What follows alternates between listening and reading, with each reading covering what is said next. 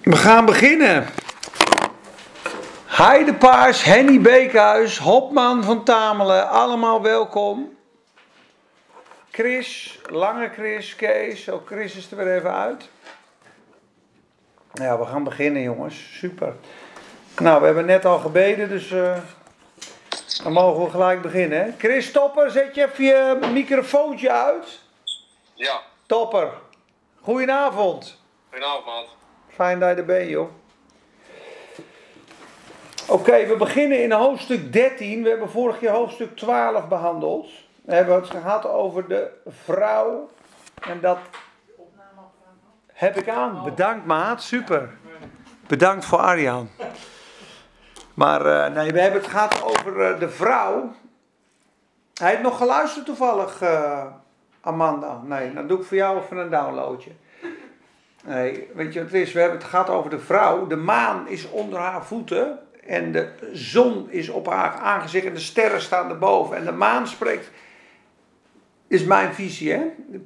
Watchmanie. Je weet dat ik een beetje watchmanie ben. En dat er wat meer uitleggen zijn. Maar uh, het zoeklicht zegt: de vrouw is uh, Israël. En het kind is Jezus. Nou goed.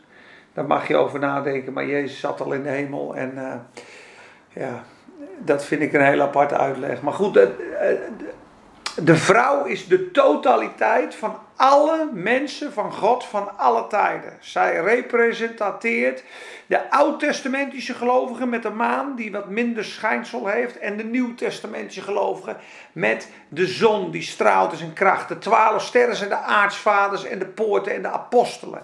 En zij baart een mannelijk kind. En dat mannelijk kind is een volwassen kind. Wat de natie gaat hoeden met een ijzeren staf. Dat zijn zij die overwonnen hebben.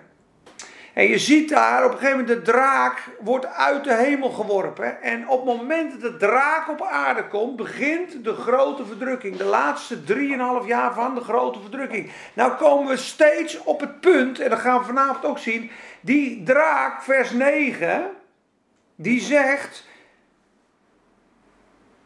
Even kijken. Waar had ik dat nou gelezen?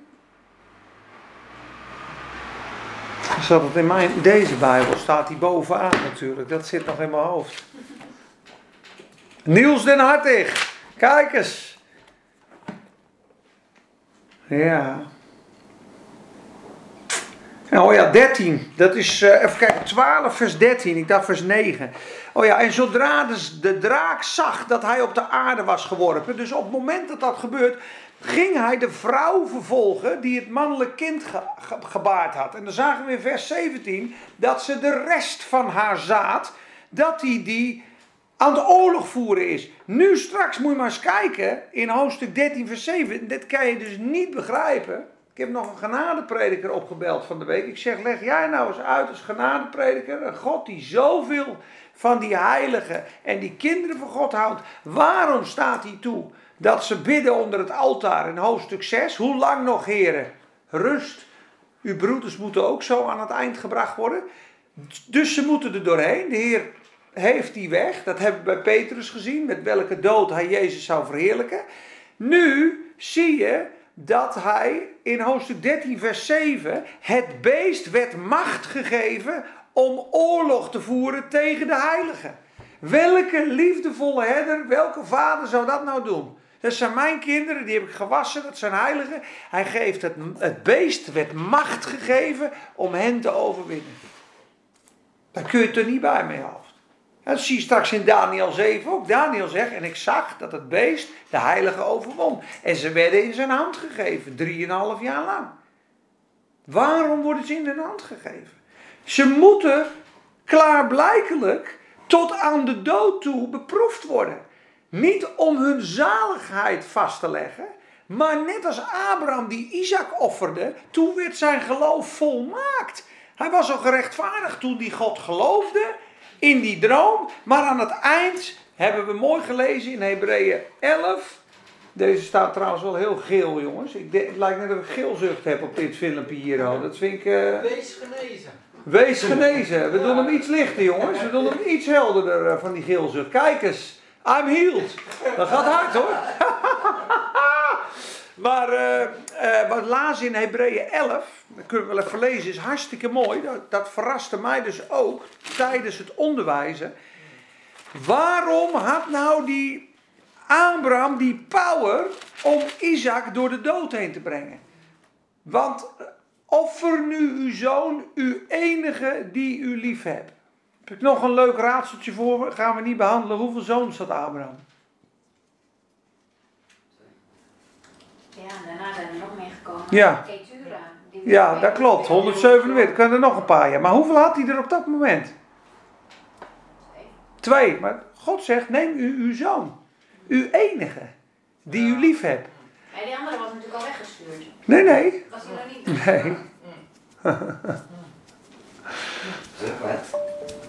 Ja.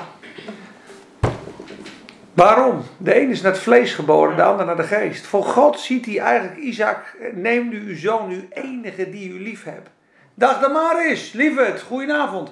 Maar goed, hij wordt hem gevraagd, offer dan Isaac. Hij ging vroeg weg in de ochtend, drie dagen onderweg. Hij had zich kunnen bedenken. Hij zegt tegen zijn knechten, ik kom op de... Kijk, kijk eens, er komt toch... Hey, goeiedag. Dat is Maarten. Ja, ja. Ik zal gewoon zeggen, hij is een registeraccount en dan kan je goed rekenen, jongens, die man. Hey, je mag ook lekker op een stoel zitten hoor, want die kruk is zo hard. Dan pak je lekker deze. Moet je nog een bakje? Ja, wel. Oké. Nou, we zijn eh, net begonnen, dus het valt mee. Hebreeën 11 hadden we het over, over Abraham en Isaac. Maar er staat in vers 17. Door het geloof, door het geloof heeft Abraham toen hij door God op de proef gesteld werd, Isaac geofferd. En hij die de beloften ontvangen had van God, heeft zijn enige geboren zoon geofferd. Tegen hem was namelijk gezegd, van Isaac zal uw nageslacht genoemd worden. En toen overlegde hij dus bij zichzelf dat God bij machten was hem uit de doden op te wekken. Ik dacht dat hij vroeger gewoon geloof had. God gaat hem opwekken. Maar waar was het op gebaseerd? God had beloofd door Isaac gaat jouw nageslacht worden als de sterren en het stof der aarde. Dus uiteindelijk wordt hier nog eens beproefd waardoor hij gerechtvaardigd was. Want hij geloofde dat hij een vader zou worden van vele volken. Hij geloofde zijn nageslacht. En hier wordt het met de dood beproefd, zie je dat? Ga maar offeren. Ja, maar dat is mijn nageslacht over. Nee, God heeft het beloofd. Dan gaat hij zelfs dwars door de dood heen. Bijzonder, hè? Ik vond het in ieder geval heel bijzonder.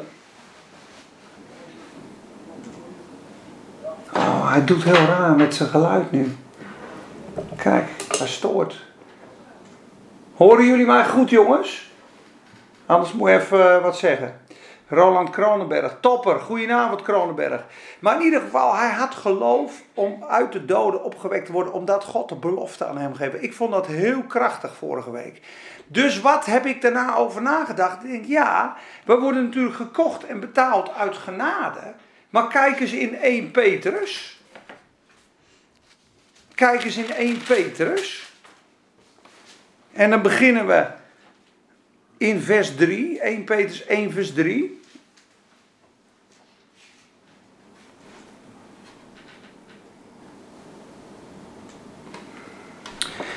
En daar staat, geprezen zij de God en Vader van onze Heer Jezus Christus, die ons overeenkomstig zijn barmhartigheid opnieuw geboren deed worden, tot een levende hoop door de opstanding van Jezus uit de doden. Er is een probleem opgetreden. Nou, het gaat lekker jongens met de livestreams. Huppakee. Gaan we nog een keer deelnemen. Ben ik weer. Door de opstanding van Jezus Christus uit de doden.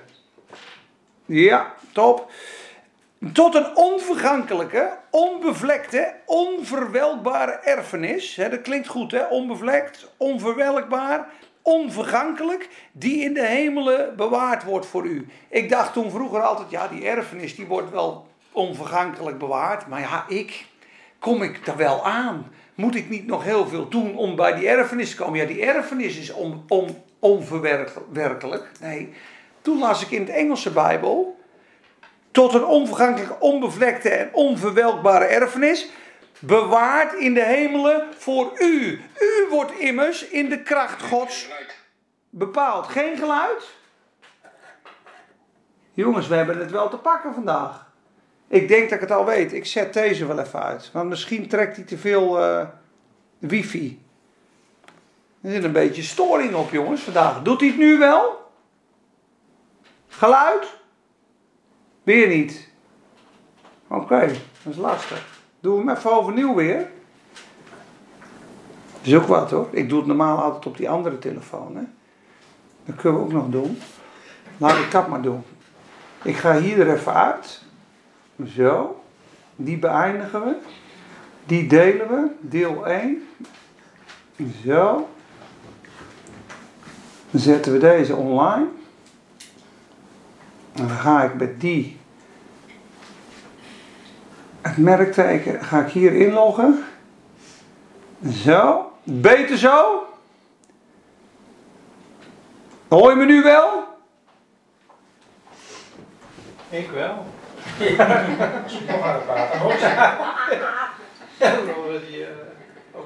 Hij wordt gewoon verstoord, jongens. Wow. Hoor je me nu wel? Kees? En Niels? Nee? Jongens, dit is toch wel heel apart, hè?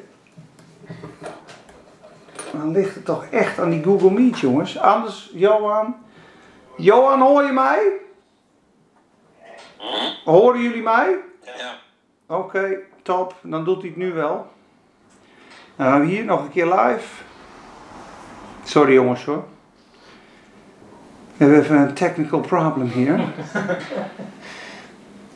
Perfect. Deze loopt weer, deze loopt ook. Oké, super. Gaan we weer verder. Mooi zo. In ieder geval, onvergankelijke erfenis, onbevlekte erfenis, onverwelkbare erfenis, die wordt in de hemelen bewaard voor u. U die door de kracht van God bewaakt wordt door het geloof tot de zaligheid. Nou, dan komt hij. Daarin verheugt u zich. Ook al wordt u nu voor een korte tijd, als het nodig is, bedroefd door allerlei verzoekingen. Waarom moet ik nou door verzoekingen heen gaan dan? Waarom werd Abraham verzocht? Waarom moet ons ge- geloof beproefd worden?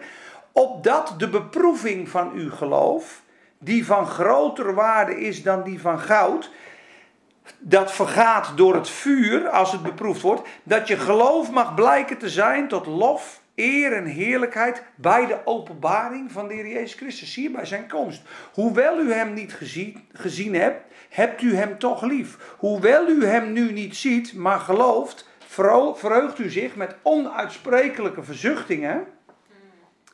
Ja. Dat is Romeinen 8. Of eh, met onuitsprekelijke en heerlijke vreugde, sorry. Goed zo. Dus let er goed op. En verkrijgt u, let op, het einddoel van uw geloof, namelijk de zaligheid van uw ziel. De redding van je ziel, moet je goed onthouden, en de redding van je geest zijn twee verschillende dingen. Dus je geest is reeds volmaakt en gered uit genade. Je ziel wordt door moeilijkheden heen gered. Jacobus 1, vers 21. Ontvang dan met zachtmoedigheid het ingeplante woord, wat machtig is om uw zielen zalig te maken. De redding van je ziel, ik denk, ik wil, ik voel, gaat door moeilijkheden, verdrukkingen heen. En daarom staat er ook in 1 Korinthe 3, als je niet onder de heerschappij van de Heer geleefd hebt, zal zijn werk verbranden. Houd, ja? je geluid staat eruit. Hoor niks. Nou, hoe kan dat nou toch, jongens? Hoe kan dit? Ik snap er echt helemaal niks van, hoor. Of hij drukt ergens op. Ik snap het echt niet. Oh, wacht. Jongens, jongens, jongens.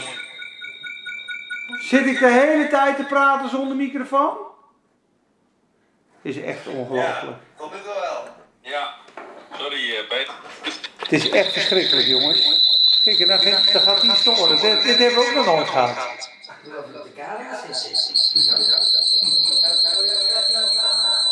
Welke?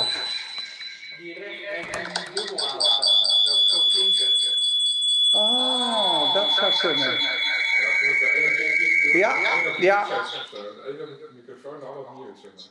Ja, je hebt helemaal... Nee, deze moet ik gewoon uitzetten. Oh, bedankt. Wat goed van jou. Ik heb dit nog nooit meegemaakt. Zou de boos het willen verstoren, de les, jongens? Ik denk dat dit echt een bomboodschap wordt, jongens. We zijn nu al vier, vijf keer gestoord. Dat kan gewoon. Johan, bedankt! Ja, je hebt echt al een paar nuggets gemist, maar je kan hem terugkijken op Instagram. Ja, het is toch ongelooflijk. En ik heb hem hier wel ge- ge- gehoord op Soundcloud. Jongens, ik heb dit nog nooit meegemaakt. Echt waar. Maar goed, de zaligheid van uw ziel, dat zijn dingen die hoor je bijna nooit. Waarom hoor je dat nooit? 1 Korinthe 3 zegt, indien zijn werk blijft, zal hij loon ontvangen. Ja, indien zijn werk verbrandt, omdat hij met hout, hooi, stro en stoppelen gebouwd heeft, zal hij schade lijden aan zijn, aan zijn ziel. Wat gaat de Heer dan straks weghalen? Die ziel van jou is niet door verdrukking heen gegaan, is niet zalig geworden. Heb ik niet Christus in kunnen bouwen? Jij hebt dat ik wil, ik denk, ik voel vastgehouden. Sorry, je gaat door de tweede dood heen. Hebben wij nog nooit gehoord. Nou hebben we de derde les behandeld. Bij Smyrna. Zij trouw tot in de dood. Ja, word je dan gered voor de eeuwigheid? Nee, dan geef ik je de kroon van het leven. Dat is iets bovenop je redding. Maar als je niet trouw bent tot in de dood, wat zegt hij dan? Wie overwint zal van de tweede dood geen enkele schade ondervinden. Maar ga je dus voor je eigen hachje kiezen, dan kom je straks in die opstanding en zegt de Heer, joh, dat is vlees en ziel. Ja, dat kan het koninkrijk niet berven. Het moet opstandingskracht geweest zijn. Jij koos in deze situatie voor jezelf en jij, hier laat je jezelf kruisigen. Hier kies je niet voor jezelf. Dat komt straks openbaar. Dat is de rijkdom en de glans waarmee wij de hele eeuwigheid doorbrengen. En je moet rekenen, is niet om jij bent meer, jij bent minder, maar je snapt zelf dat als Corrie ten Boom een andere straling heeft als bijvoorbeeld de moordenaar aan het kruis. Dat is apart, hè? Want de ponden, ja, de ponden, de een heeft 11 uur gewerkt, de ander heeft 3 uur gewerkt, die 9 uur krijgt allemaal hetzelfde. Dat is genade. Daar zijn ze het niet mee eens. Ja, joh, wij hebben de hele in die brandende zon gestaan. Ik ben toch met jou overeengekomen. Maar de talenten, 2 is 4, 4 steden. 5 is 10, 10 steden. Hey, ik heb mijn talent in de grond gestopt. Dat is iemand die doet er niks mee. Die mist straks het koninkrijk. Die wordt buiten het koninkrijk gezet, tot schaamte gesteld. Die leidt schade aan zijn ziel. Dit leert men nergens. Maar dit is de leer van de Bijbel. En je lichaam wordt straks gered. Onze geest is opnieuw geboren uit God, uit onvergankelijk zaad. Staat verder in 1 Petrus, vers 22. We zijn wedergeboren uit onvergankelijk zaad. Waarom? Omdat het woord onvergankelijk is, zegt hij. Je bent wedergeboren uit het woord. En de mens, moet je nagaan wat hij daarna zegt. De mens is net als het gras in de bloem. Vandaag valt hij, morgen is hij verdord. Maar het woord van God blijft voor eeuwig. Daarom blijf jij ook voor eeuwig. Je bent geboren, het weder... Ja, en wat zegt hij daarna? Kijk eens, nu dan uw zielen gereinigd hebt in gehoorzaamheid aan de waarheid. Ja, tot ongeveinsde broederliefde heb elkaar vurig lief uit een rein hart. U die opnieuw geboren bent, niet uit vergankelijk zaad, maar onvergankelijk zaad. Door het eeuwige en levende, bl- eeuwig blijvende woord van God. Want alle vlees is als gras en de heerlijkheid van de mens is als een bloem in het gras. Dat gras is verdord en zijn bloem is afgevallen. Maar het woord van de Heer, waardoor wij wedergeboren zijn, blijft tot in eeuwigheid. Ja, dat is voor mij een basis. Niets kan mij scheiden. Nog vervolging, nog haat, uh, naaktheid, nog zwaard, nog moeilijkheden, nog hoogte, nog diepte, nog engelen, nog krachten, nog machten. En dat, dat stukje, Romeinen 8, kijk maar in vers 36. Want om uwend wil, uwend wil, worden wij de ganse dag gerekend als slachtschapen. Waarom? Waarom zou een liefhebbende God, een goede herder, zijn eigen kinderen als slagschapen door de antichrist, door de verdrukking. Kijk maar naar Job. Job staat hier gewoon toe dat de Satan zijn leven aanraakt. Zijn vrouw en zijn kinderen zijn weg. Dat is toch heftig? Dat is toch heftig? Het kwam dubbel terug. 140 jaar. En zijn dochters waren de mooiste van het land. Dus God, ik, bad, of ik sprak dus met die genadeprediker en die antwoordde heel goed. Hij zei, ja, ik denk dat wij denken dat wat God ziet als goed, wat wij dat als slecht beoordelen. Dat lijden, die verdrukking, dat is iets slechts, dat is niet goed. Maar hoe denk je dat het in de eeuwigheid is dat je onthoofd bent voor de Heer of dat je trouw bent tot de dood en dat je zegt, luister, nu wordt werkelijk beproefd of ik vasthoud aan mijn eigen leven. Want Petrus moest eerst vloeken, tieren en zweren. Ik mag het niet meer doen, want ik heb vorige keer keihard bliksem gezegd, sorry. Maar mijn moeder zei, dat moet je niet meer doen. Dat, dat hoort niet bij een bijbelleraar. Ik zei, nee ja, ik wou alleen maar voordoen hoe die deed. Maar ik denk met vloeken en zweren dat het eigenlijk nog veel heftiger gegaan is. Maar ja, dat ga ik niet doen. Maar Petrus heeft echt staan vloeken en zweren. Ja, dat hij hem niet kende. En hij weende bitterlijk. Hé hey, Ewout, super. Mooie nieuwe profielfoto heb je. Strak kopje maat. Maar hij weende bitterlijk en was geknakt. Was gebroken. En dan hebben we die mooie preek hebben we eens gedeeld hè, van Watchman Nee. Uh, Marcus 16 vers 7. Zegt tegen de discipelen en Petrus dat ik hem wil zien. Petrus wordt hersteld. En Petrus schrijft uiteindelijk de brief over lijden. En dat hij dwars door de dood heen gegaan is met Jezus. En hij snapt het nu. Ik wou mijn eigen hachje nog redden. En voor het Sanhedrin was hij krachtig. Dus ik geloof, hoe moeilijk het ook klinkt voor een genadeboodschap. En hoe moeilijk dat ook klinkt voor de mensen van het zoeklicht. Ja, die natuurlijk fantastisch vinden. En dat hopen we allemaal. Dat we allemaal omhoog gaan. Voordat we verdrukt en beproefd moeten worden. Maar als er nou staat dat de verdrukking op de aarde is een test over allen die komen. En als hier staat, ik zag dat de heiligen verdrukt werden. Ik zag dat de heiligen, waar komen ze vandaan? Ja, ze zijn net tot geloof gekomen toen de opwekking was. Dat is heel onlogisch, want iedere gelovige zou dan omhoog gaan. Dan gaat de draak, wordt uit de hemel geklapt. Toen de draak zag dat hij op de aarde was, begint hij de kerk te vervolgen. Zijn ineens allemaal babychristenen gekomen? Of zijn het gewoon mensen die een span ossen gingen kopen toen de bruiloft kwam? Die hun vrouw gingen trouwen. Die hun lamp niet vol hadden. Die eten en drinken met de wereld. Die niet gedaan hebben, waakt, trouw. Waarom zegt Petrus? Ik ik, jongens, ik heb er een boekje over geschreven. Ik zoek ze allemaal op. Ik denk twee pagina's vol heb of drie hoofdstukken. Denk aan Lots vrouw. Denk aan Lots vrouw. Benaastigt u, doe je uiterste best om in vrede van hem gevonden te worden. Onberispelijk. Anders zou er elke keer staan. Wees bemoedigd, wees getroost. Allen die geloven, allen die gewassen zijn, kom ik halen voor de verdrukking. Wees niet bang. Ik beloof u, geen verdrukking voor u. Nooit zal u verdrukking kennen. Ik heb u gekocht, ik heb u betaald. De genade ja, moet uitgewandeld worden in een heiligmaking. En dat heiligmaking wordt beproefd. En waar sta je dan? Ik gaf een mooi voorbeeld aan de gozer die het er niet mee eens was. En toen zei ja, dit is wel waar. Dat is wel een goeie. Ik zeg, kijk eens in Daniel 2. Hoeveel mensen buigen er niet voor het beeld? Wie buigen er niet? Waar is Daniel? Waar is Daniel? Waarom was hij er niet bij? Weet je, er staat, Daniel 2, vers 49. Daniel nu was in de poort van de koning. Zat in het koninkrijk. Zijn vrienden gaan door de verdrukking. Dat beeld zie je straks in de grote verdrukking.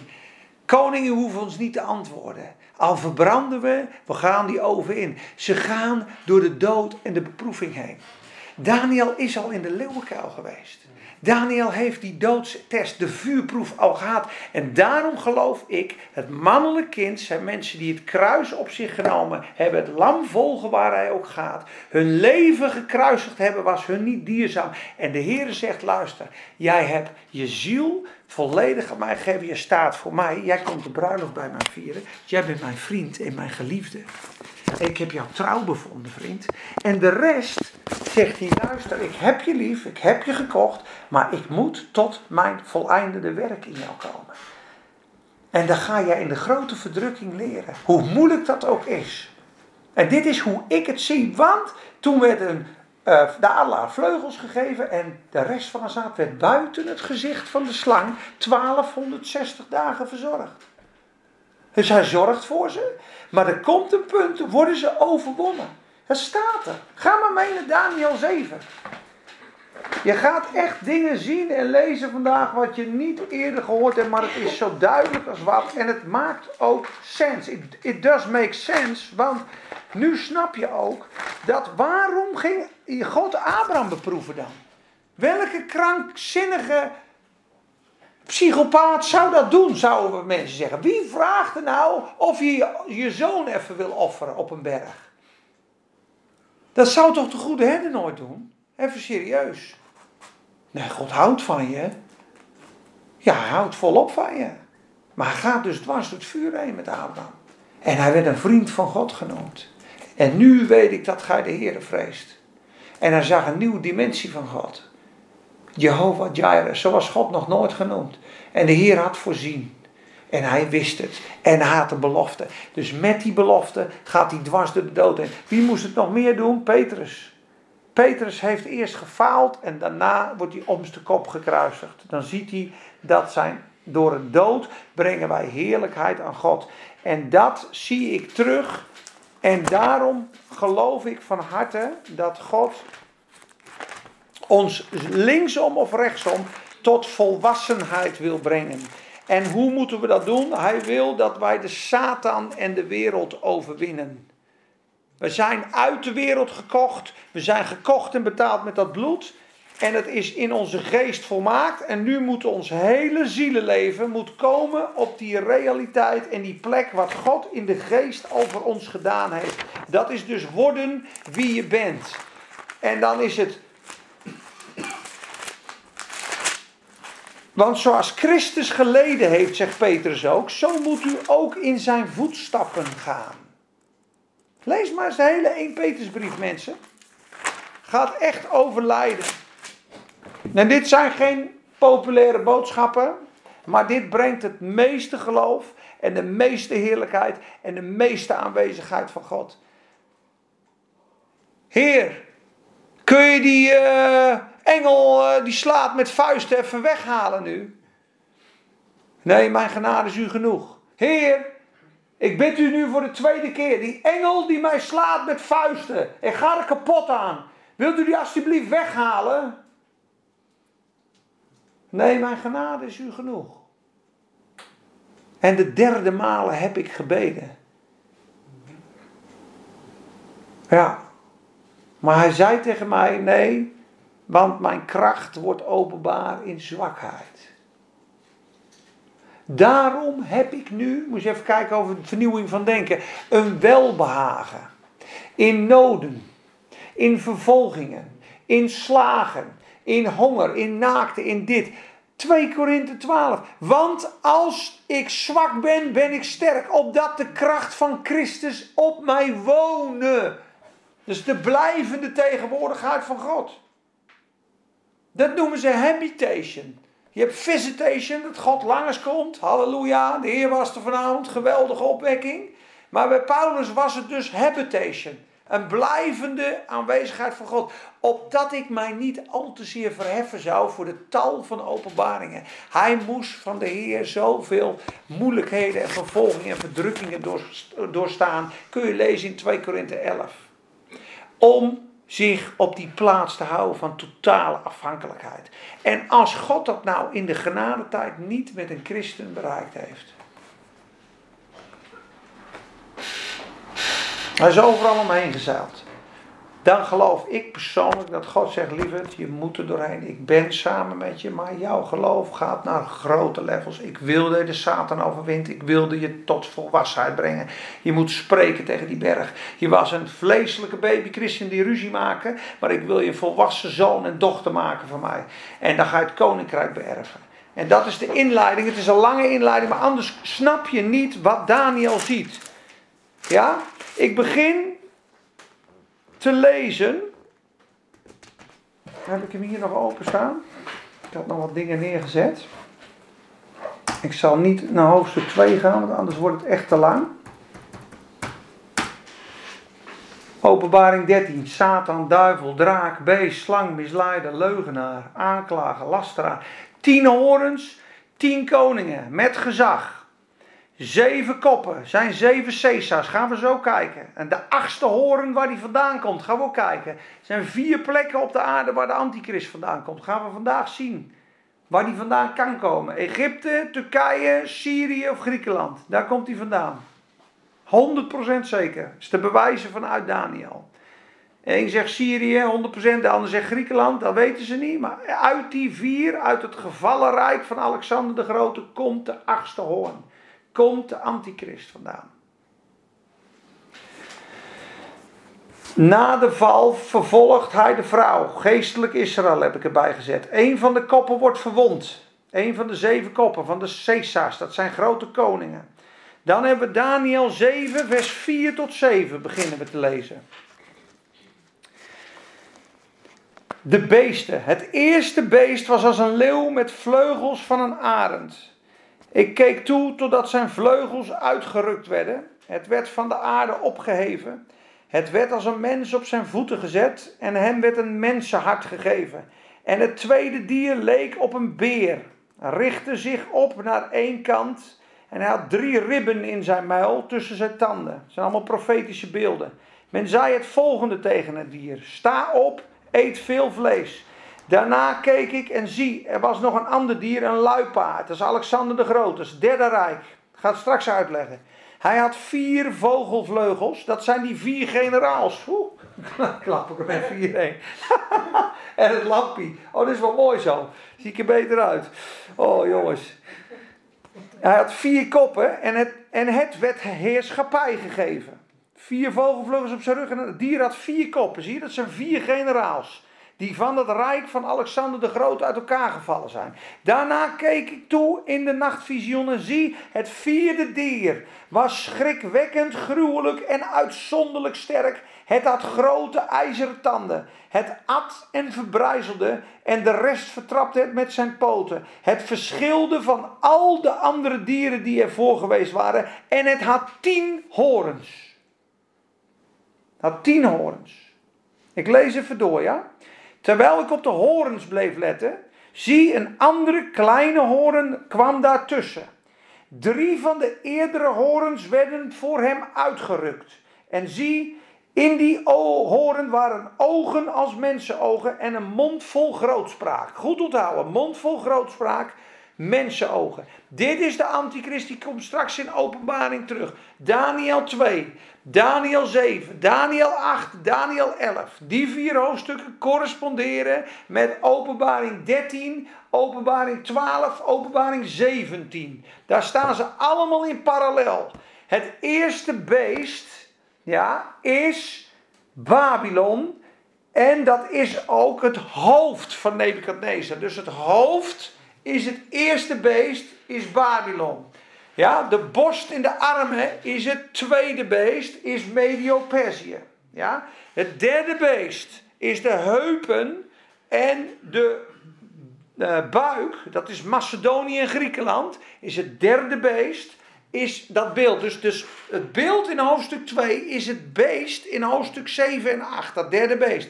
Dat vierde beest zijn die twee benen met ijzer en leem, staande voor het Romeinse Rijk. En het eerste Romeinse Rijk was van ijzer en hard en brak. En het tweede herstelde Romeinse Rijk is straks wat wij krijgen als de grote verdrukking. Met een nieuwe Caesar, met een nieuwe christenvervolging. Laten we maar zeggen het Romeinse Rijk 2.0. Het vierde Rijk. Hoe weet ik dat? Omdat dat in Daniel 7 staat. We maken een kleine sprong.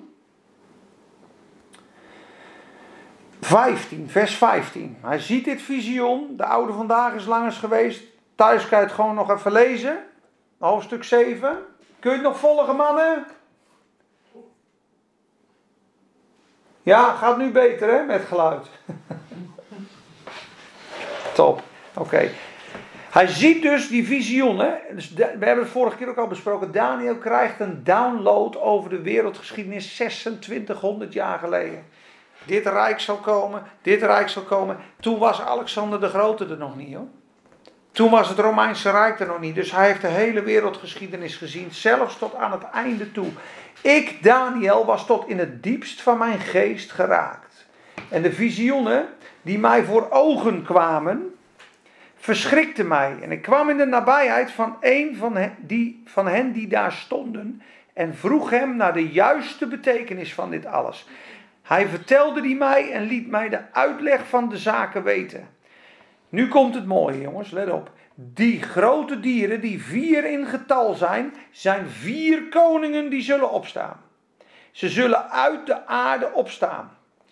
De heiligen van de Allerhoogste zullen echter het koningschap ontvangen. Ze zullen het koningschap in bezit nemen tot in eeuwigheid. Ja, tot in alle eeuwigheden. Dat is de belofte. Ja, wij gaan het koninkrijk in bezit nemen, de heiligen. Amen. Amen. Toen wilde ik de ware betekenis weten van het vierde dier. Dat verschilde van al die anderen. Die uitzonderlijk schrikwekkend was. En zijn tanden van ijzer, zijn klauwen van brons. Het at, het verbrijzelde en de rest vertrapte het met zijn poten. Wie is dat vierde dier, zegt hij. En ik wilde ook weten van de tien horens die op zijn kop zaten. En van die andere horen die oprees en waar er drie door afgevallen waren. Namelijk die horen die ogen had en een mond vol grootspraak. Waarvan de verschijning groter was dan die van zijn metgezellen. Vers 21, let op. Ik had namelijk toegekeken in het visioen en gezien dat die horen oorlog voerde tegen de heiligen. En dat hij hen overwon. Zie je dit? Is toch heftig of niet? De antichrist gaat de heiligen overwinnen. En God vindt het goed. Ze moeten hem overwinnen tot de dood toe. Ze hadden hun leven niet lief tot in de dood. Hebben we vorige week gelezen. Hoe hebben ze de aanklager overwonnen? Ze hebben overwonnen door het bloed van het lam, het woord van hun getuigenis. En ze hadden hun leven niet lief tot in de dood. Dus diegenen, die overwinnaars, hadden hun leven niet lief tot in de dood. Wat zijn die? Die gaan rechtstreeks omhoog. Die zijn afgestudeerd, laten we het zo maar even noemen. Watchmanie noemt het ook. Je wordt als kind van God, zegt die kom je op de school. Je, die school, daar zit je op. Alleen God wil dat je naar de laatste klachtzaal, dat je je diploma haalt. Dat je tot volwassenheid komt. En elke keer ga je verder in het leven, in nederigheid. Maar hun hadden hun leven niet lief tot in de dood. Dus wat wil die bereiken met die andere heiligen? Dat ze hun leven niet lief hebben tot in de dood. Een totale kruisiging. Totaal één met de dood. Totaal één met wat je zei toen je knielde voor Jezus. Hier ben ik met alles wat ik heb. Ja, nou wordt het beproefd. Ja, nee, nee, nee, nee, nee, nee. Kijk hoe ik reageer ik afgesneden word in het verkeer. Hoeveel kruisiging er nog nodig is. Iedereen die mij inhaalt, die gaat, erachter, die gaat eraan. Het is te gek voor woorden natuurlijk. Ik denk wel eens, doe eens rustig. Ga nou gewoon zitten. Laat het over je komen, Peter. Inhalen. Ik ben de snelste. Ja, het is te gek voor woorden, jongens. Ik moet ervan verlost worden, echt waar. Nee, dat zei, nee, dat zei iemand een keer tegen mij. Hij zegt, dat kan hè, dat kan. Je kan al je drank uit huis gooien. Hij zegt, maar het is krachtiger als je er gewoon mee om kan leren gaan. Want dat is makkelijk, ik kan het niet meer fout doen. Of ga je leren om ermee om te gaan? Ja, ik denk aan de auto. Ja, dat kan. Dat kan. Halleluja. Die Tesla haalt alles in. Maar als Ja. jij een uh, doosje Ik kan ook. eh, Ja, dat klopt. Dat klopt. Maar dan trek ik hem aan mijn handrem tijdens een rotonde. Dus eh, ik heb al die trucendoos al gedaan. Met mijn Renaultje 5 ook. nee, maar dat maakt niet uit. Maar snap je dat als je echt bent als de graankorrel gestorven. Dat je echt een gekruisigd leven hebt. Dat je als Stefanus je vijanden kan zegenen. Dat alle discipelen als martelaar aan hun eind gekomen zijn. Dat als je Hebreeën 11 leest, dan zeg je, wij hebben nog nooit geen vervolging gekend. Dat God in die vervolging ons geloof naar de grootste hoogte brengt. Tribulation is the soil wherein faith grows. En het vindt niemand leuk. En het is ook geen zaak van vreugde.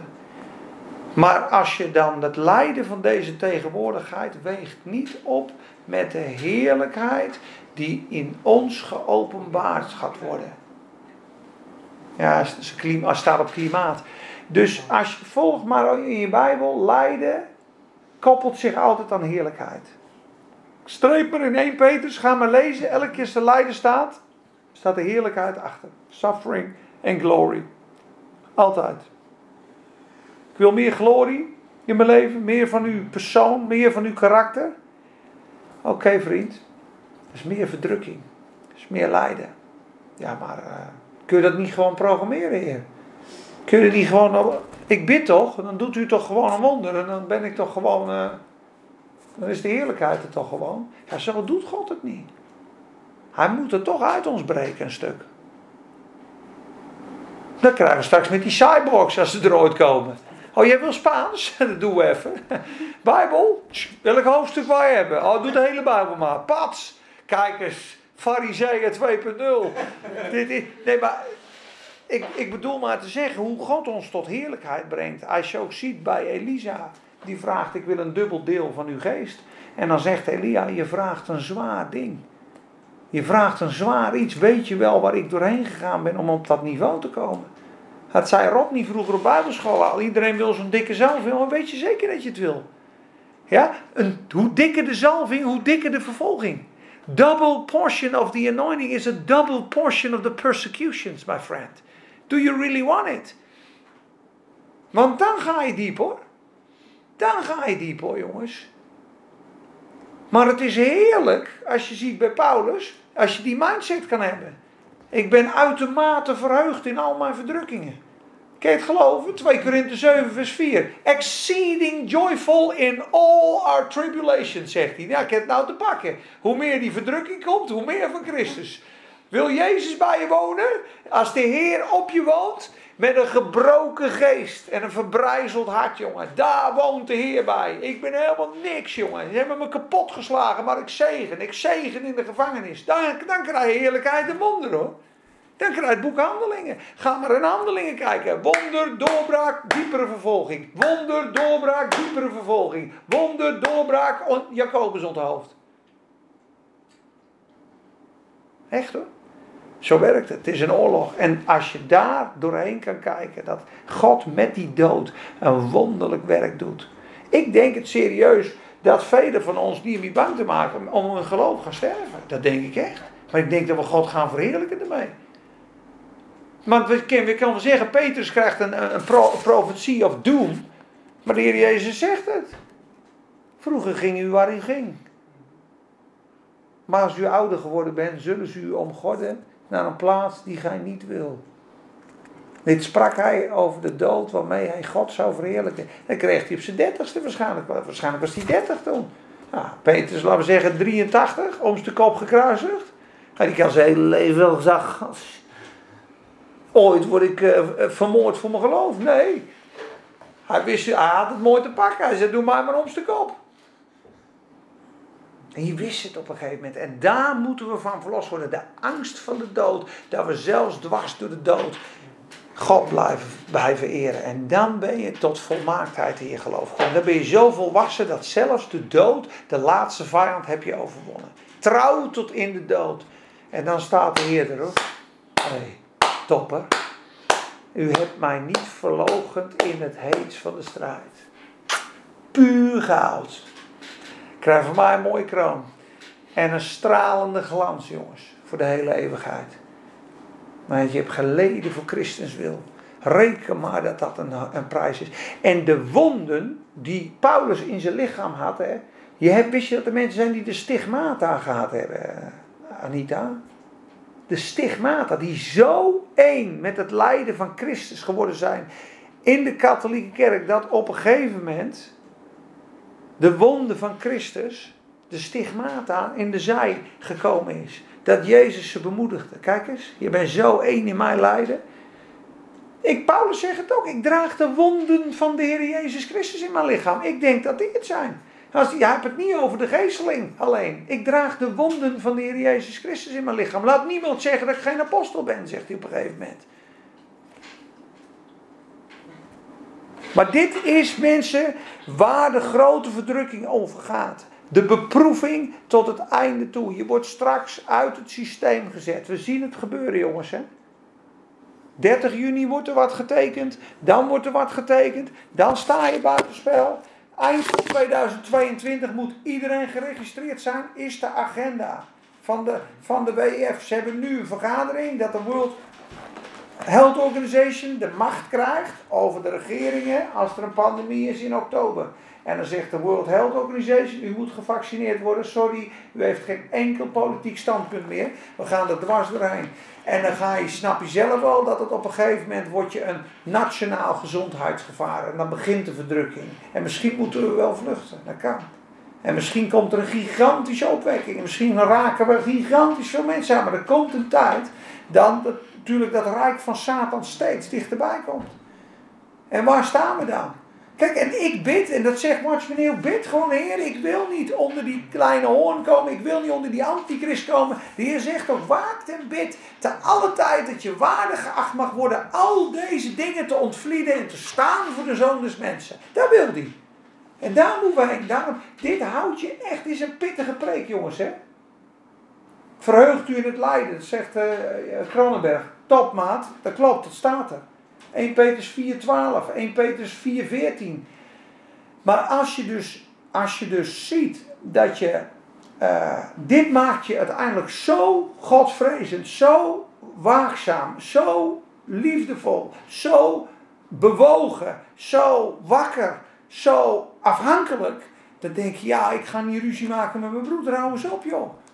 Ik wil waakzaam zijn, joh. Ik wil klaarstaan voor de Heer, de Geest en de bruid. Zeggen, kom Heer Jezus, ik heb verlangen naar u.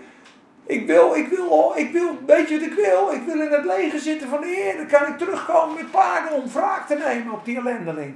Maar ik moet mijn leven afleggen. En dat is echt wat wij allemaal moeten bereiken. Dat wil God in ons. Dat hij volledig het voor het zeggen krijgt. En dat koppige mannetje, de Heer geeft je gewoon 5, 6, 7 jaar in genade. En op een gegeven moment krijg je een tik om je oren. Dat is net als met de opvoeding van een kind. Je kent drie, vier jaar pempertjes vol knallen. Je kent drie keer een grote bek hebben tegen de lerares. Maar nu krijg je echt een pak rammel. En dat wil de Heer niet eens. Dat staat ook in klaagliederen. Hij is niet van harte de mensenkinderen te plagen. Dat is zijn hart helemaal niet. Maar soms kan hij niet anders. En dan krijg je Hebreeën 12. Omdat hij ons tot volwassenheid wil brengen. Tot een volle discipel. Iedere discipel die volwassen is geworden zal exact zo zijn als zijn meester. En daar wil de Heer ons brengen. Linksom of rechtsom. Met genade of vervolging en verdrukking. Ja, dat kan. En, en luister, daar hoef je niet bang voor te zijn. God gaat je, en niets kan je scheiden van zijn liefde. Hij gaat je bewaren. Alleen hier lezen we duidelijk, Daniel 7, vers 21. Ik had namelijk toegekeken en gezien dat die horen oorlog voerde tegen de heiligen en hen overwon. Totdat de oude vandaag kwam. Daar komt God. En de heilige van de Allerhoogste recht verschaft werd. En het tijdstip bereikt was dat de heiligen het koningschap, koningschap in bezit namen. Ga ik je weer een sleutel geven. Elke keer als het over regeren gaat in het Nieuwe Testament, gaat het over vervolging, verdrukking en lijden. Handelingen 14, 22.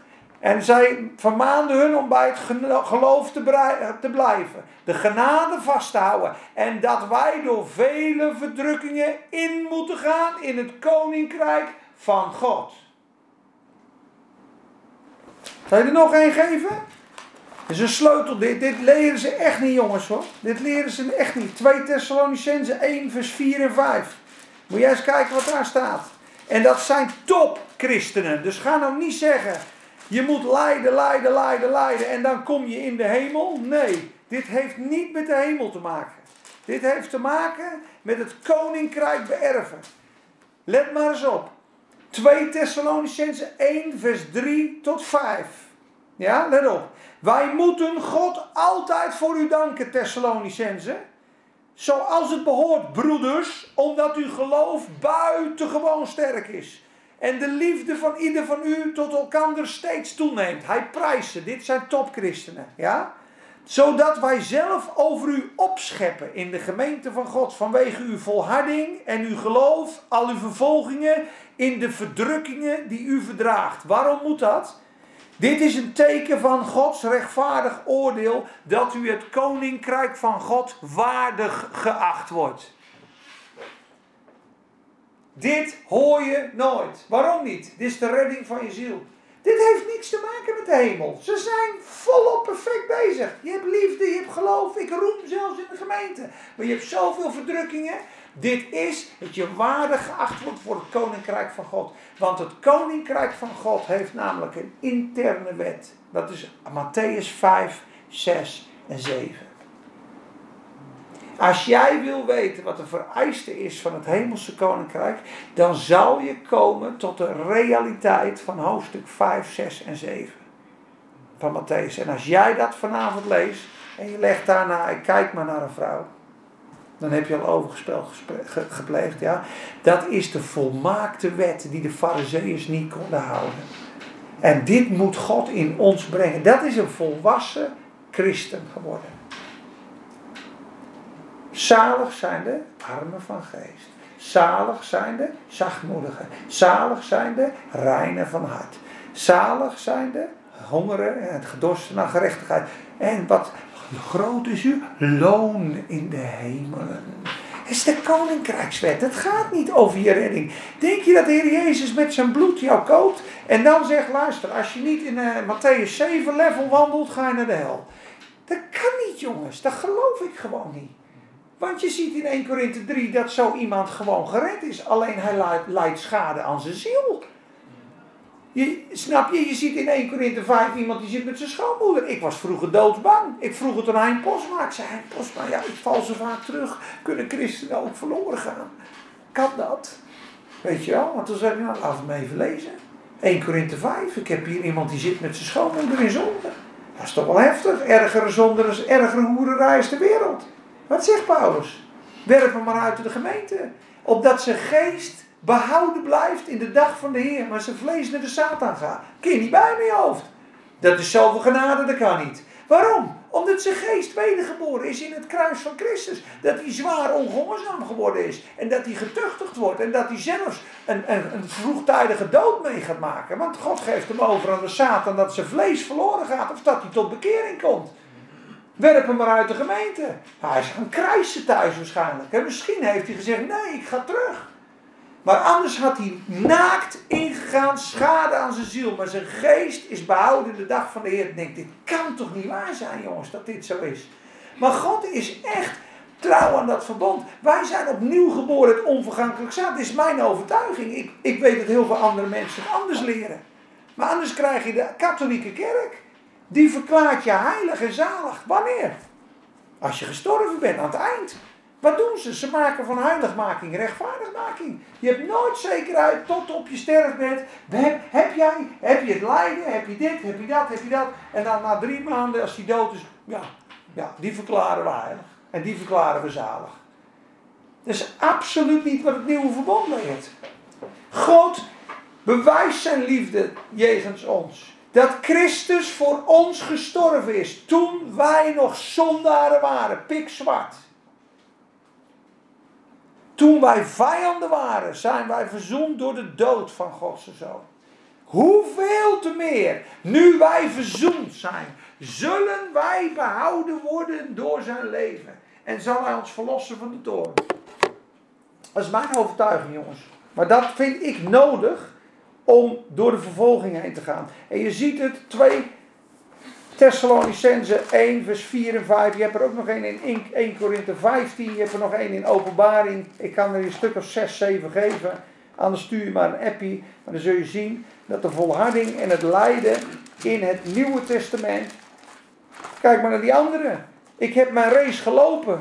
Ik heb het geloof behouden. Voor mij ligt klaar de krans. De kroon van gerechtigheid tot het einde voluit. Is een kroon.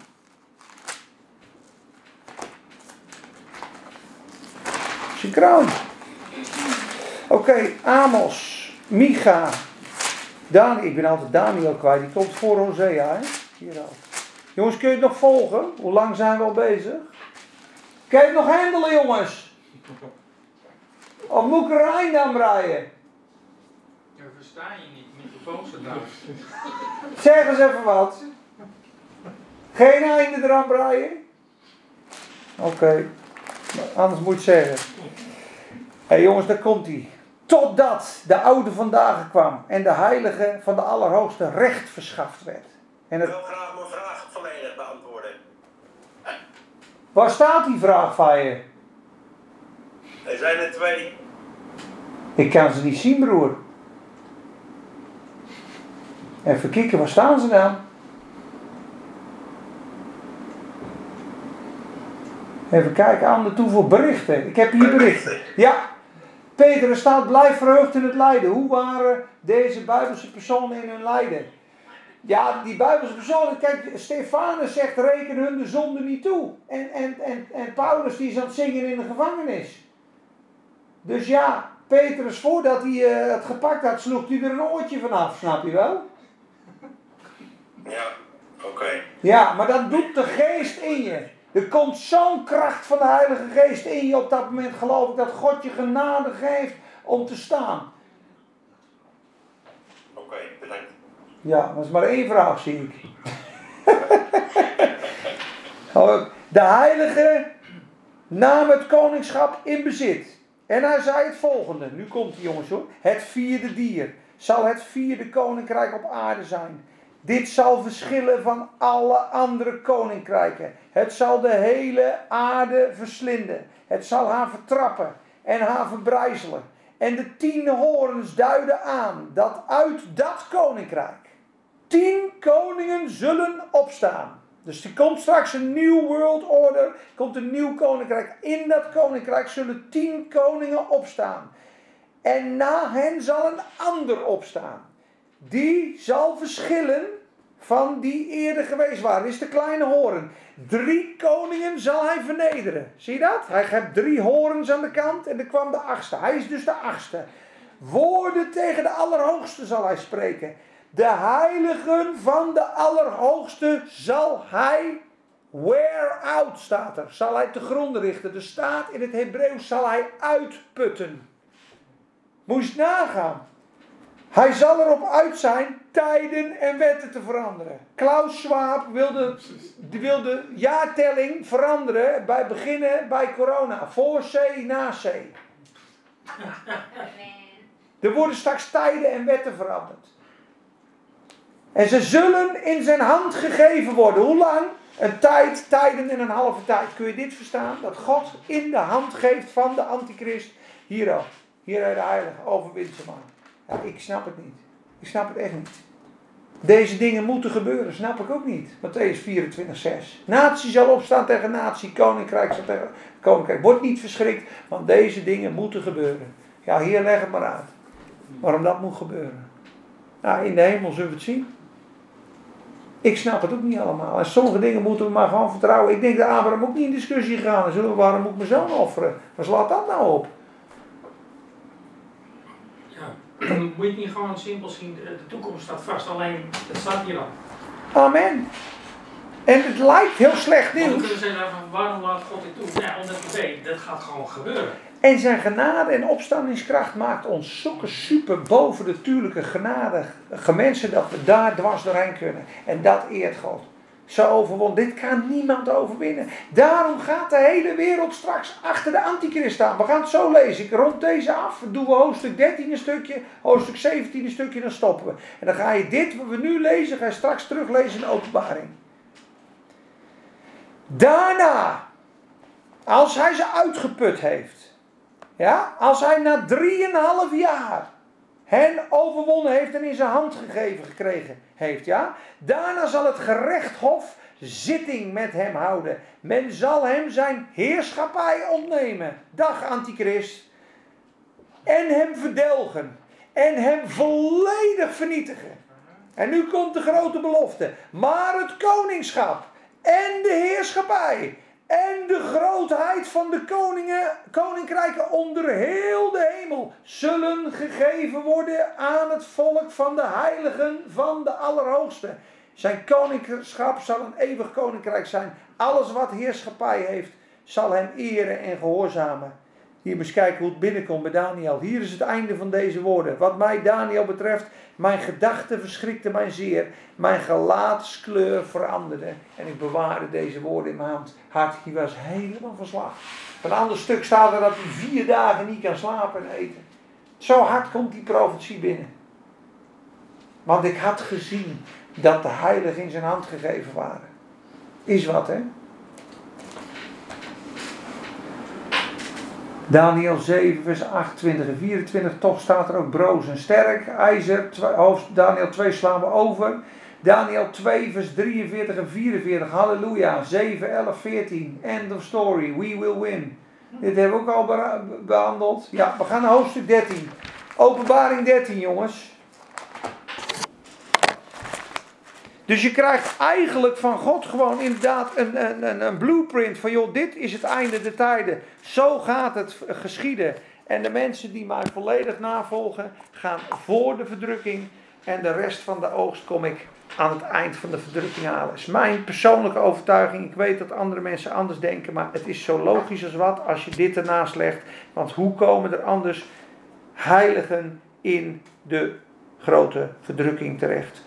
Het beest dat uit de zee opkomt. Hoofdstuk 13, vers 1. Eigenlijk wou ik dit delen. Dus de hele tijd wat we nu gepraat hebben is een soort eh, voorbereiding. Kan je het nog volgen allemaal? Echt waar. Ik wou beginnen in hoofdstuk 13, vers 1 vanavond. Ik dacht dat je het altijd over hoofdstuk 13 had, maar dat zijn dus die, eh hè, parallellen. Ik zag uit de zee een beest opkomen. Dat zeven koppen en tien hoorns had. Dat is die draak uit hoofdstuk 12. Er verscheen een teken een grote vuurrode draak met zeven koppen en tien hoorns. Zie je dat? Hier is die, het beest en de draak. De zeven koppen en tien hoorns waren op zijn hoofd en de hoorns en op zijn hoorns waren tien diademen of kronen. En op zijn koppen een godslastelijke naam.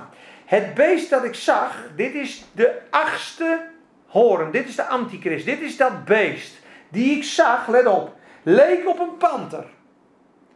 En zijn poten waren als die van een beer en zijn muil was als een leeuw en de draak gaf hem zijn kracht, zijn troon en grote macht. Kom ik straks op terug, wat die beelden zijn. En ik zag een van zijn koppen, een van de zeven koppen, als dodelijk verwond. Ja, dus straks een man, is de zevende, is de antichrist lichaam. Die leeft straks op aarde. Die leeft waarschijnlijk nu al in. Kan je hem even dichtduwen voor me? Ja. Die leeft waarschijnlijk nu al in Syrië, Turkije, Egypte of Griekenland. Die leeft. Die wordt straks aangesteld. Die wordt vermoord. Dat is een van de zeven koppen. Maar zijn dodelijke wond genas. Dat lichaam ligt op straat met een dodelijke wond. Dus die man wordt vermoord. De geest van Satan gaat in dat lichaam, doet de opstanding na en is de achtste. Zullen we straks lezen in hoofdstuk 17. Is de achtste. Ja. Maar zijn dodelijke wond werd genezen. En de hele aarde ging dat beest met verwondering achterna. En zij aanbaden de draak, omdat aan het beest macht gegeven Omdat hij aan het beest macht gegeven had. En zij aanbaden het beest. En zeiden, wie is aan dit beest gelijk? Wie kan er oorlog voeren tegen het beest? De hele wereld is in die, nou, dit is zo groot, dit is zo machtig, dit is, hier gaan ze voor zwichten. En daarom roep ik ook op tot bekering, dat een ongelovige dit hoort, dat hij de Bijbel gaat lezen, dat hij gaat doorzien. Ik denk aan filmsterren, ik denk aan bekende Nederlanders, ik denk echt aan mensen die gewoon in de fuik zwemmen, die straks niet weten wat hun overkomt en die gewoon voor een groot, machtig kardon staat of dood, die zullen hun eigen leven niet willen verliezen en kunnen verliezen, want ze hebben Christus in de opstanding niet. En dan zullen ze dat, dat beest, dat, dat demoniseert, en dat is een dictator keer duizend. Dus ze gaan mee en ze, zullen, ze hebben maar één kans. Weet je wat we doen? We moeten maar bidden. Ik neem ze teken, ik doe het op mijn voorhoofd, ik hoor erbij. Halleluja, wie is als het beest? En ze aanbidden hem. En ze gaan verloren. De Bijbel zegt, ieder die het beest aanbidt of het merkteken neemt, zal ook delen in de toorn van God. Dan hoor je erbij, er wordt straks een scheiding gemaakt. Wij krijgen een zegel op hun voorhoofd, hun merkteken. En ik heb het merkteken gezocht. Hè. Er staat één keer als uh, God heeft gegraveerd, is het woord. Gegraveerd, ingekerfd. Dus het kan ook een brandmerk of een kerving zijn straks wat ze krijgen. Maar er wordt gewoon keihard gezegd, daar hoor je bij. Bij de wereld of, of bij Jezus. En het beest werd een mond gegeven om grote woorden en godslasteringen te spreken. En het werd macht gegeven, heb ik allemaal onderstreept. Macht gegeven. God is volledig in control. Hier beestje, een beetje macht. Hier heb je wat macht. Hier heb je wat macht. Dan kan je er nog wat van maken, vriend. God gebruikt het beest om tot zijn doel te komen. Kunnen wij niet bij met ons hoofd. Hem werd macht gegeven om 42 maanden lang dit te doen. En hij opende zijn mond om God te lasteren. Wat had de kleine hoorn? Een grote bek met Gods lasterende woorden. En het opende zijn mond om God te lasteren. En om zijn naam te lasteren. En zijn tent. En hen die in de hemel wonen. En het beest werd macht gegeven. Zie je dat? Om oorlog te voeren tegen de heiligen. En om hen te overwinnen. En hem werd macht gegeven over elke stam, stam, taal en volk. Zie dat? Macht gegeven, macht gegeven. En allen die op de aarde wonen zullen het beest aanbidden. Althans, niet diegene van wie de namen geschreven zijn in het boek des levens des lam, dat geslacht is van de grondlegging der wereld. Volgende keer gaan we verder in hoofdstuk 13, vers 11, over twee weken denk ik. Het beest uit de aarde, dat is Judas, die slaan we nu even over. Ja, we gaan nu naar hoofdstuk 17. Gaan we nog even verder over de beest en die koppen en wie dat is. En dan stoppen we.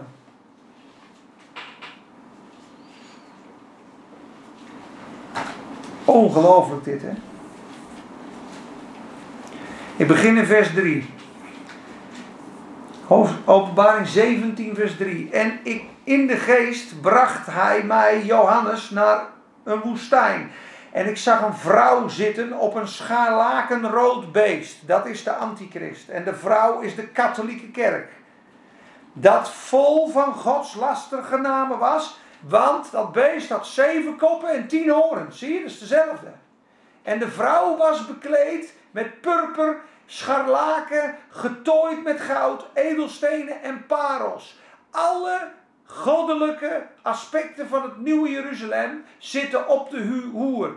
Tekenende dat zij van buiten vol van Christus lijkt, maar van binnen is zij vol van hoerelij en gruwelijke. Net als de katholieke kerk. De heiligen als de paus, ze hebben dit, ze hebben dat, ze hebben dat. Maar het kindermisbruik en het, het, het drugsgeld van het CIA wordt op dit moment witgewassen door het Vaticaan. drugsgeld van de drugsbaronnen, van de Mexicaanse drugsbaronnen, wordt door de CIA witgewassen in het Vaticaan op dit moment. Dit is de wereld. Omnipatum omnirinam. I can play domino better than you. I can play. Dat deed Rodney vroeger al. I can play domino better than you.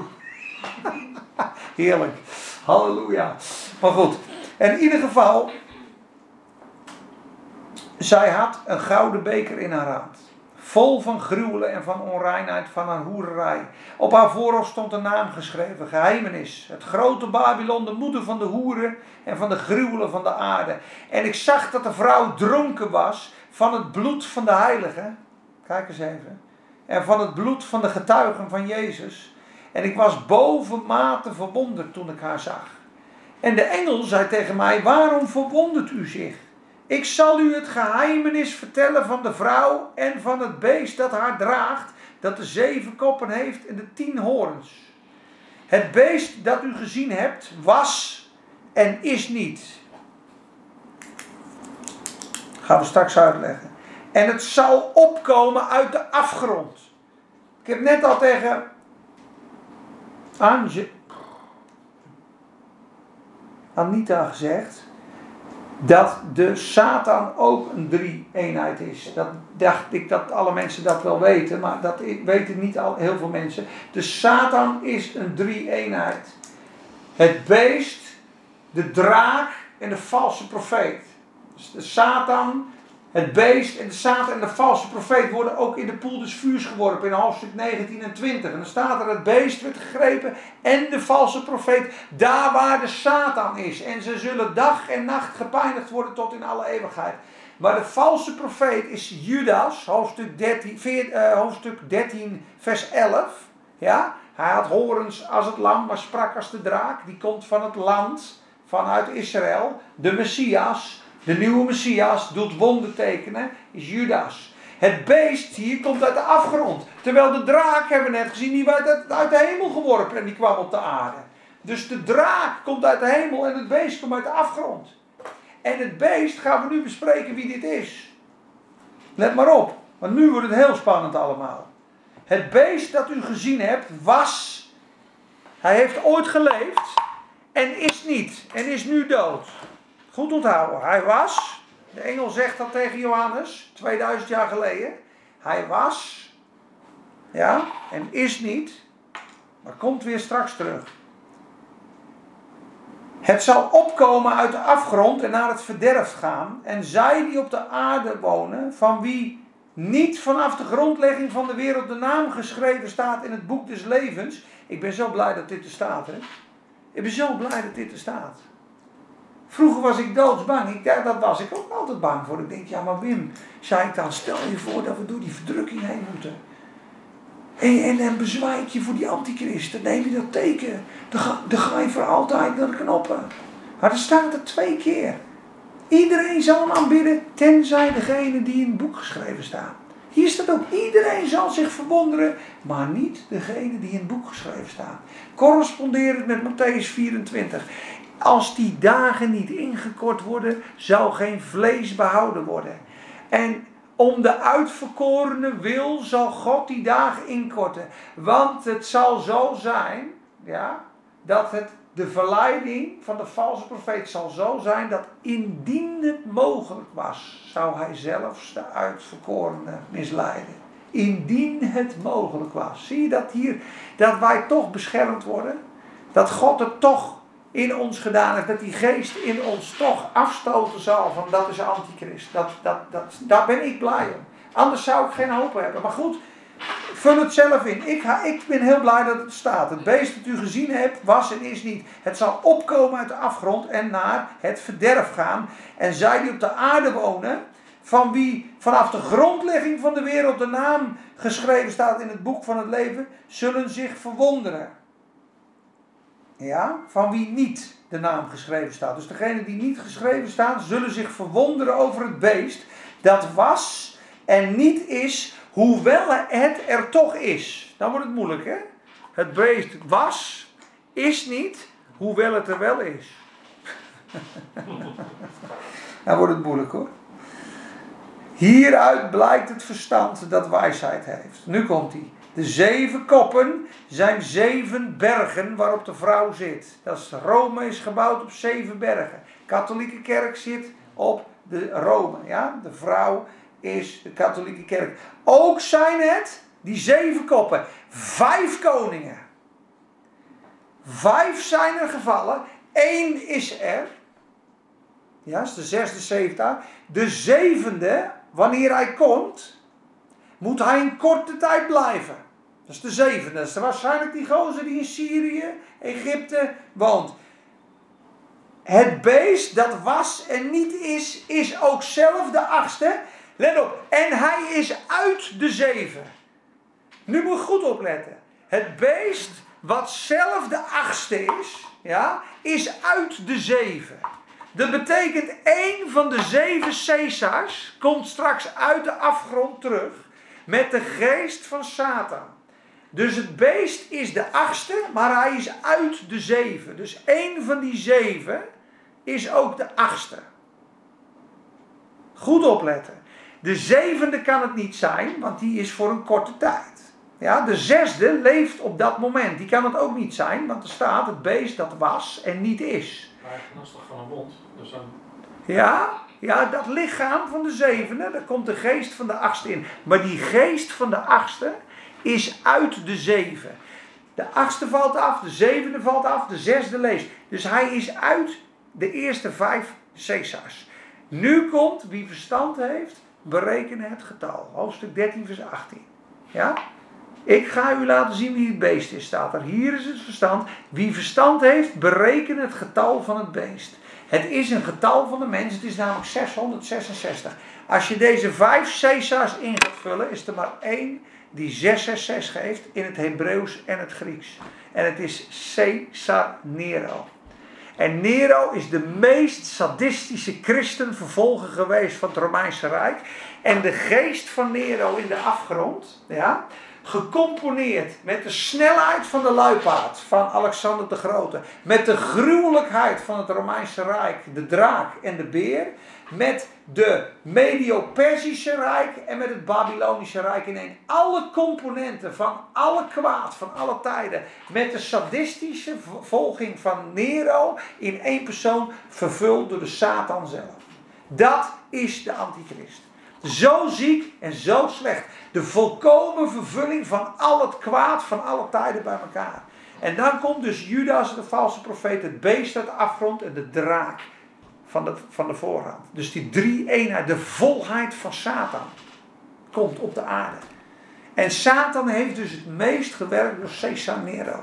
Die christenen als tuinfakkels aanstak in Teer bij zijn feest. Daar had hij plezier van. Zo sadistisch zal de antichrist zijn. Hij is uit de zeven en het beest is ook zelf de achtste. Dit is Caesar Nero. Vul maar in in het Grieks, vul maar in in het Hebreeuws. Zijn getal is 666, twee keer. Is helemaal uitgewerkt. Ik geloof dat het waar is. Maakt verder niet uit, is een bijzaak. Wat we wel weten is dat het beest dat was en niet is, is ook zelf de achtste. En hij is uit de zeven en gaat naar het verderf. Hij gaat verliezen. Ja? En de tien horens die u gezien hebt zijn tien koningen. Die moeten nog het koningschap ontvangen. Maar die samen met het beest maar één uur dat koninkrijk zullen ontvangen. Dat vind ik wel mooi. Deze zijn eensgezind en zullen hun kracht en macht aan het beest overdragen. Ze zullen oorlog voeren tegen het lam. Maar, de lam, maar het lam, want de Heer der Heer is hij, en koning der koningen zal hen overwinnen. En zij die samen met hem zijn, de overwinnaars, de geroepenen, de uitverkorenen en de gelovigen.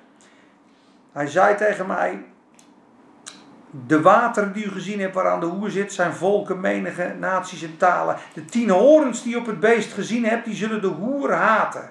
En haar verwoest en naakt maken. God zal de katholieke kerk vernietigen door de tien koningen en de antichrist. Ze zullen haar vlees eten en haar met vuur verbranden. Want God heeft dit in hun hart gegeven om zijn plan uit te voeren. Dus God voert zijn plan zelfs uit door de antichrist om zelfs de tempel te vertreden. Hoofdstuk 11 hebben we gezien. Waarom? Waarom doet God dat?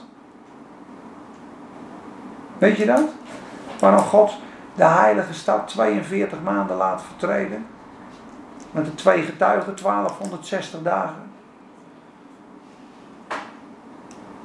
En van de dag dat het dagelijks offer en het brandoffer en het graanoffer zal stoppen. Omdat de Joden weer teruggaan naar hun eigen godsdienst. Terwijl ze het bloed van de Messias moesten aannemen.